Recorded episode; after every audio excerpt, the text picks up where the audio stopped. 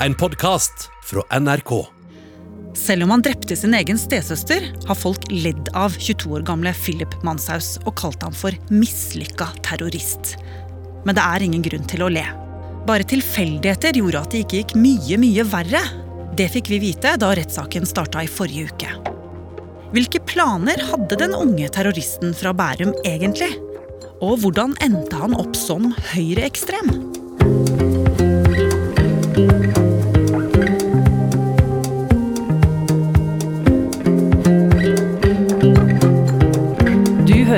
Oppdatert. Jeg heter Ragna Nordenborg.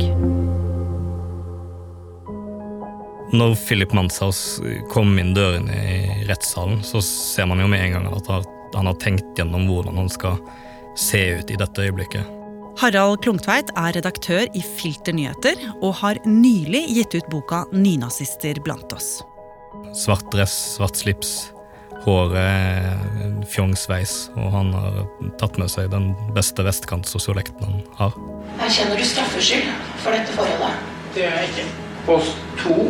Straffeloven paragraf 131 første ledd for å ha begått en terrorhandling ved å forsøke å drepe en annen i den hensikt å skape alvorlig frykt i en befolkning. Erkjenner du straffskyld for dette forholdet? Post 2. Ikke skyldig. Og her hører vi jo opptak fra Asker og Bærum tingrett, der eh, Manshaus erklærer seg ikke skyldig. Og noe mer lyd enn dette får jo ikke vi i pressen lov å publisere fra rettssaken. Men dere som sitter der, Harald, hvordan framstår han? Han er rolig. Eh, avbalansert, kan man nesten si. Eh, det høres at han har sittet i månedsvis på cella og tenkt gjennom hva han skal si, og hvordan han skal ordlegge seg, og hvor høflig han skal være overfor rettens aktører. Altså, han, han, prøver å framstå som en, en seriøs nazist. Det minner jo egentlig litt om Anders Behring Breivik. Det er ikke tvil om at han henter elementer derfra og fra andre høyreekstremister han har sett i retten.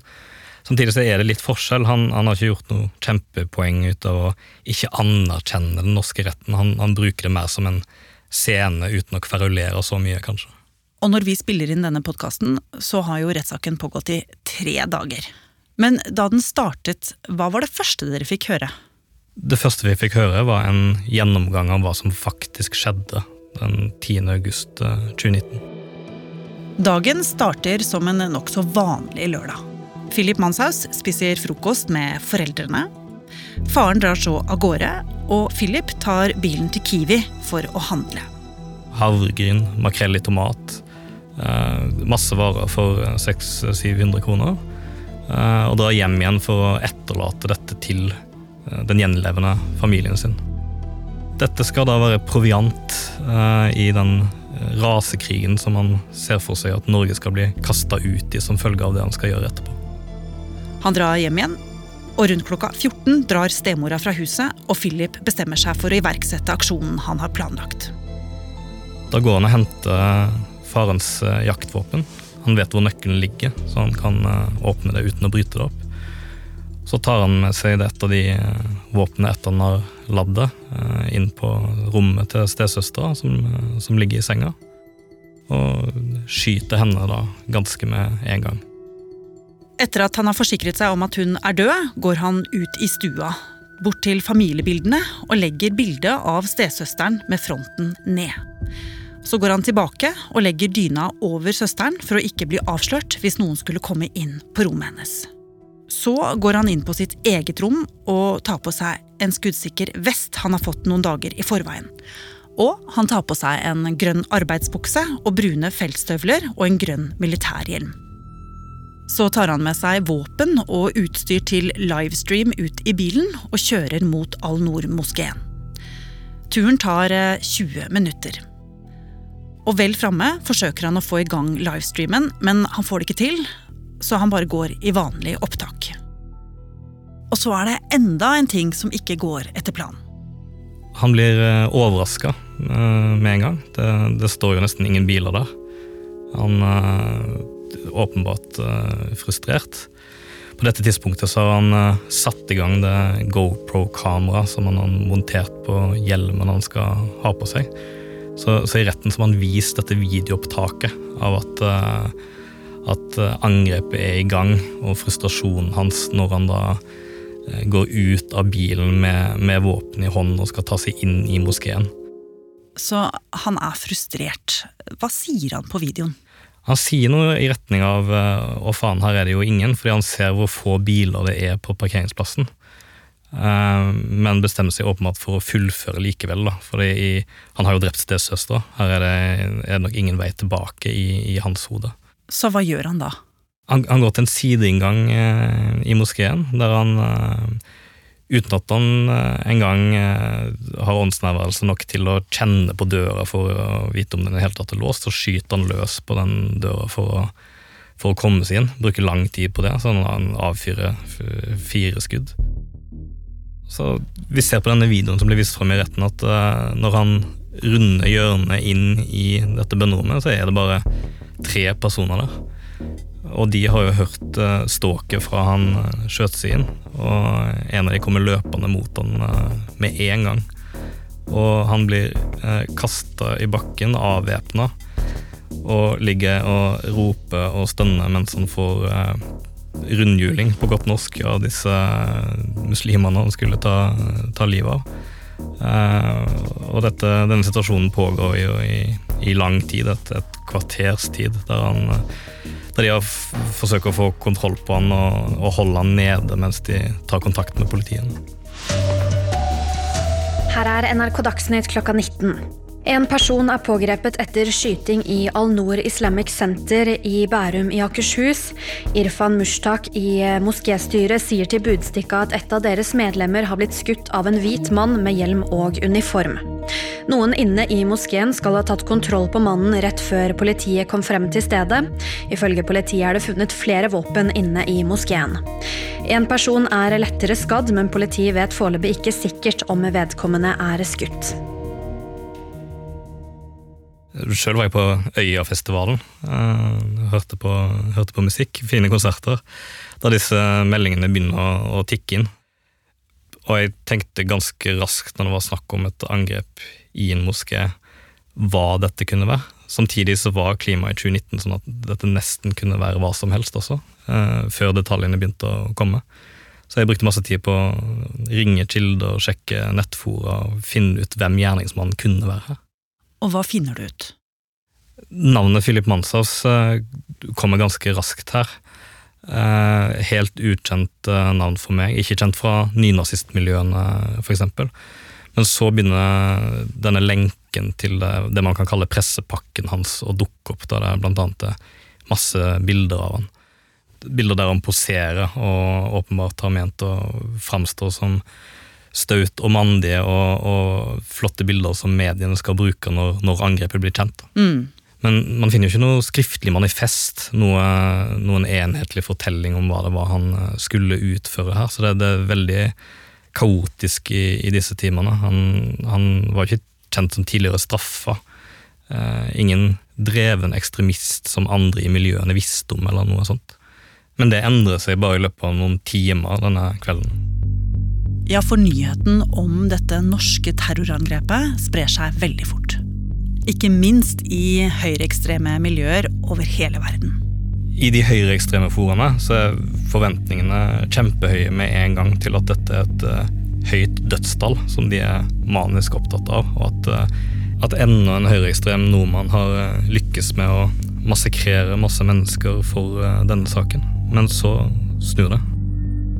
Det blir jo kjent at han har ikke drept en eneste muslim i denne moskeen. og Da, da snur det seg til latterliggjøring. Man leter etter grunner for å ikke ha noe med denne, akkurat denne terroristen å gjøre. Det, det passer ikke saken når dødstallet ble så lavt. Og han beklager jo selv i retten at han ikke klarte å drepe flere. At han ønsket at han hadde kommet over mange flere som hadde vært i moskeen den dagen. Mm. Så i disse nettverkene så blir han ganske fort uh, glemt, rett og slett. Og det, det, er jo samtidig som vi, vi, her hjemme prøver å finne ut uh, hvem denne Bærumsgutten egentlig er. Philip Manshaus er født i august i 1997 og vokste opp i Bærum utenfor Oslo sammen med mor, far og to eldre brødre. Da han var fire år, skilte foreldrene seg, og bare kort tid etter skilsmissen så dør moren hans. Etter hvert gifter faren seg på nytt med kvinnen som nå blir omtalt som Philip Manshaus stemor.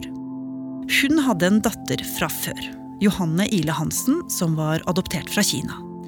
Det er ikke så mange år mellom disse to stesøsknene, og de vokser opp sammen i et villastrøk. Men han er jo ikke en nerd som har låst seg inn på gutterommet med en, en PC og, og, blitt der, eller noe, noe i den retning. Altså han, han, har jo venner, han har et nettverk, han, han går på fester, eh, begynner på psykologi, oppsøker ulike eh, personer og miljøer og, og pleier, pleier vennskap. Og dette er jo ganske tett på når ting begynner å skjære seg fullstendig. Et helt vanlig liv, altså. Helt fram til 2017 da merka vennene at han begynte å endre seg. Men det, det, det er små ting. Han, uh, han, begynner å ta avstand fra rusmidler. Veldig opptatt av å være moralistisk overfor uh, vennene. Og opptatt av selvberging, natur og, og, konservatisme. Men så begynner det å komme mer tydelig drypp av rasistiske ting og etter hvert konspirasjonsteorier om jøder som til og med dukker opp i ellers uh, hyggelige og humoristiske chatter med venner på nettet. I 2018 skrev han i en vennechat at han hatet jøder, og publiserte videoer med antisemittisk innhold for å overbevise vennene sine. Da tok vennegjengen grep, og varsla PST om at de trodde kompisen var en høyreekstremist. Men PST fikk ikke gjort noe med saken fordi det ikke så ut som han planla noe angrep. Han hadde bare et konservativt tankegods, som PST kaller det. Ett år før drapet og terrorangrepet høsten 2018 begynner han på Fosen folkehøgskole i Trøndelag på sjølbergingslinja, der de skulle lære husbygging og å leve av naturen. En dag banka det på døra til rektor. Inn kom medelever som fortalte at Philip Manshaus hadde så mange ekstreme holdninger at det var vanskelig å være rundt ham. Og han skal ha fortalt medelevene at de måtte forberede seg på en rasekrig. Og når folkehøyskolen er eh, ferdig, så er det jo eh, vår 2019. Og så går det bare et halvt år før Philip Manshaus skyter søsteren sin og forsøker å ta livet av mennesker på Al-Noor-moskeen i Bærum. Og da har det bare gått eh, ca. to år fra da vennene merker at han eh, har blitt rar, til angrepet skjer. Og det syns jo veldig mange er rart, at det kan skje så fort. Har det kommet noe fram om dette så langt i Asker og Bærum tingrett? Det er ikke sånn at det er én omveltende hendelse i livet hans som eh, bikker han over kanten. Det, det, er ikke sånn disse tingene foregår i, via etterforskningen så får jeg høre om en holocaust-fornekter-video på YouTube uh, her, et eh, rasistisk utsagn uh, der, venner som reagerer på at han plutselig begynner å snakke om borgerkrigslignende tilstander også i Norge. frustrasjon over at Facebook sensurerer høyreekstremister. Eh, masse sånne små elementer og eh, ting som rører seg på disse nettstedene som man nok blir gradvis mer opptatt av. Vi vet at han sitter veldig mye på YouTube, vi vet at han sitter på forum og konsumerer veldig mye av denne, denne typen innhold. Eh, men hvor i prosessen eh, det eskalerer, det er veldig vanskelig å peke på. Men det som utløser selve terrorplanleggingen, det er jo noe som skjer bare åtte dager før eh, han angriper. Injured people are rushed to hospital. They were gunned down during Friday prayers at Al Noor Mosque in the center of Christchurch. Witnesses say the gunman was a white male. His 74 page manifesto was posted to social media, and he live streamed his assault at the mosque. 2. august så setter han seg ned og leser et over 70 sider langt uh, dokument, som var det manifestet som uh, Brenton Tarrant uh, etterlot seg etter massakren på, på, New Zealand. It references a white nationalist who killed 77 people in Norway in 2011. Og det er nå han blir fullstendig oppslukt av terror, og sier at han får et kall mens han, mens han leser dette. Fordi Eh, alt i denne teksten er jo spissa inn mot at eh, det skal komme etterfølgere og repetere eller gjøre enda verre ting enn denne nedslaktingen av eh, muslimer som Tarrant sto for. Det er nå han sier han oppfatter det som en, som en plikt å handle. Eh, og det bygger seg opp et voldsomt tidspress mens han, han leser dette, tydeligvis. Eh, og, og det er nå han sier han mister nattesøvnen, har svettetokter, mister matlysten. Det er veldig mye som skjer oppi, oppi hodet hans på en gang. This morning, new video capturing the chaos of a gunman's vicious attack at an El Paso Walmart. The suspect killing at least 20 people and injuring more than 26 others. Og dagen etter så skjer det jo helt tilfeldigvis et nytt høyreekstremt terrorangrep i El Paso i USA med, med over 20 drepte. Han, han, sluker jo disse nyhetene om en, nok en masseskyting, og, og, og, det fører nok til at dette blir eh, helt uunngåelig i sånn som han tenker på, på det stadiet. The suspect allegedly told investigators he wanted to shoot as many Mexicans as possible. Og bare noen dager etterpå så går han jo til angrep. Men hva var egentlig planen hans? Hva var det han så for seg skulle skje? Han skulle skyte og drepe så mange norske muslimer som mulig, og ikke minst strømme videoer av det rett ut på nettet. Og da trigga både nye terrorangrep og en form for borgerkrig både i utlandet, men også i Norge etter hvert. Og dette er helt bokstavelig. Altså han, han, ser for seg en rasekrigslignende tilstand her hjemme også. Og det er derfor han har gått til innkjøp av tørrvarer og hermetikk, da. Fordi at øh, faren hans og, og stemor skal overleve denne krigen. Altså han, han hamstrer da tydeligvis uh, havregryn og makrell i tomat fordi uh, denne rasekrigen er så nært forestående også ute i Bærum. da, At det er så kort tid fra han uh, utfører angrepet til det, også det norske samfunnet kollapser, nærmest. At dette er viktig for han i timene før det smeller. Og hvordan passer drapet på søsteren eller stesøsteren hans inn i dette? I hans forestillingsverden så tror jeg nok at han nærmest hjelper foreldrene ved å ta livet av henne. Fordi de i denne rasekrigen som følger, ellers ville blitt eh, drept av andre høyreekstreme som forrædere. Fordi hun er adoptert? Ja. Men dette høres jo ut som galskap. Er det det? forestillingene om eh, rasekrig og at disse angrepene skal akselerere det, da, som det heter. Altså at eh, en kjedereaksjon av, eh, av, angrep og mottiltak fra staten og alt mulig som skal gi en sånn nesten apokalyptisk effekt. Dette er helt vanlige ideer eh, ut, altså i 2019 i de høyreekstreme foraene som han, han var opptatt av. Så rammen rundt dette er, er ikke psykiatri, det, det, er ideologi. Og hvor mange er det som deler den ideologien? Altså Hvor mange er det som Philip Manshaus der ute? Det er ikke mange som Manshaus. Det sitter ikke hundrevis av terrorister eh, der ute. Men det er så mange som deler hele eller deler av dette tankegodset at uh, sikkerhetstjenestene i de vestlige landene klarer jo ikke å få oversikt over hvem som kan være farlige. Og det er ikke noen grunn til å tro at uh, det blir bedre i årene som kommer. Og selv om Philip Manshaus innrømmer alle disse handlingene, så hevder han altså at han er uskyldig, og at han har eh, handlet i en såkalt nødrett. Og rettssaken i tingretten avsluttes 26. mai.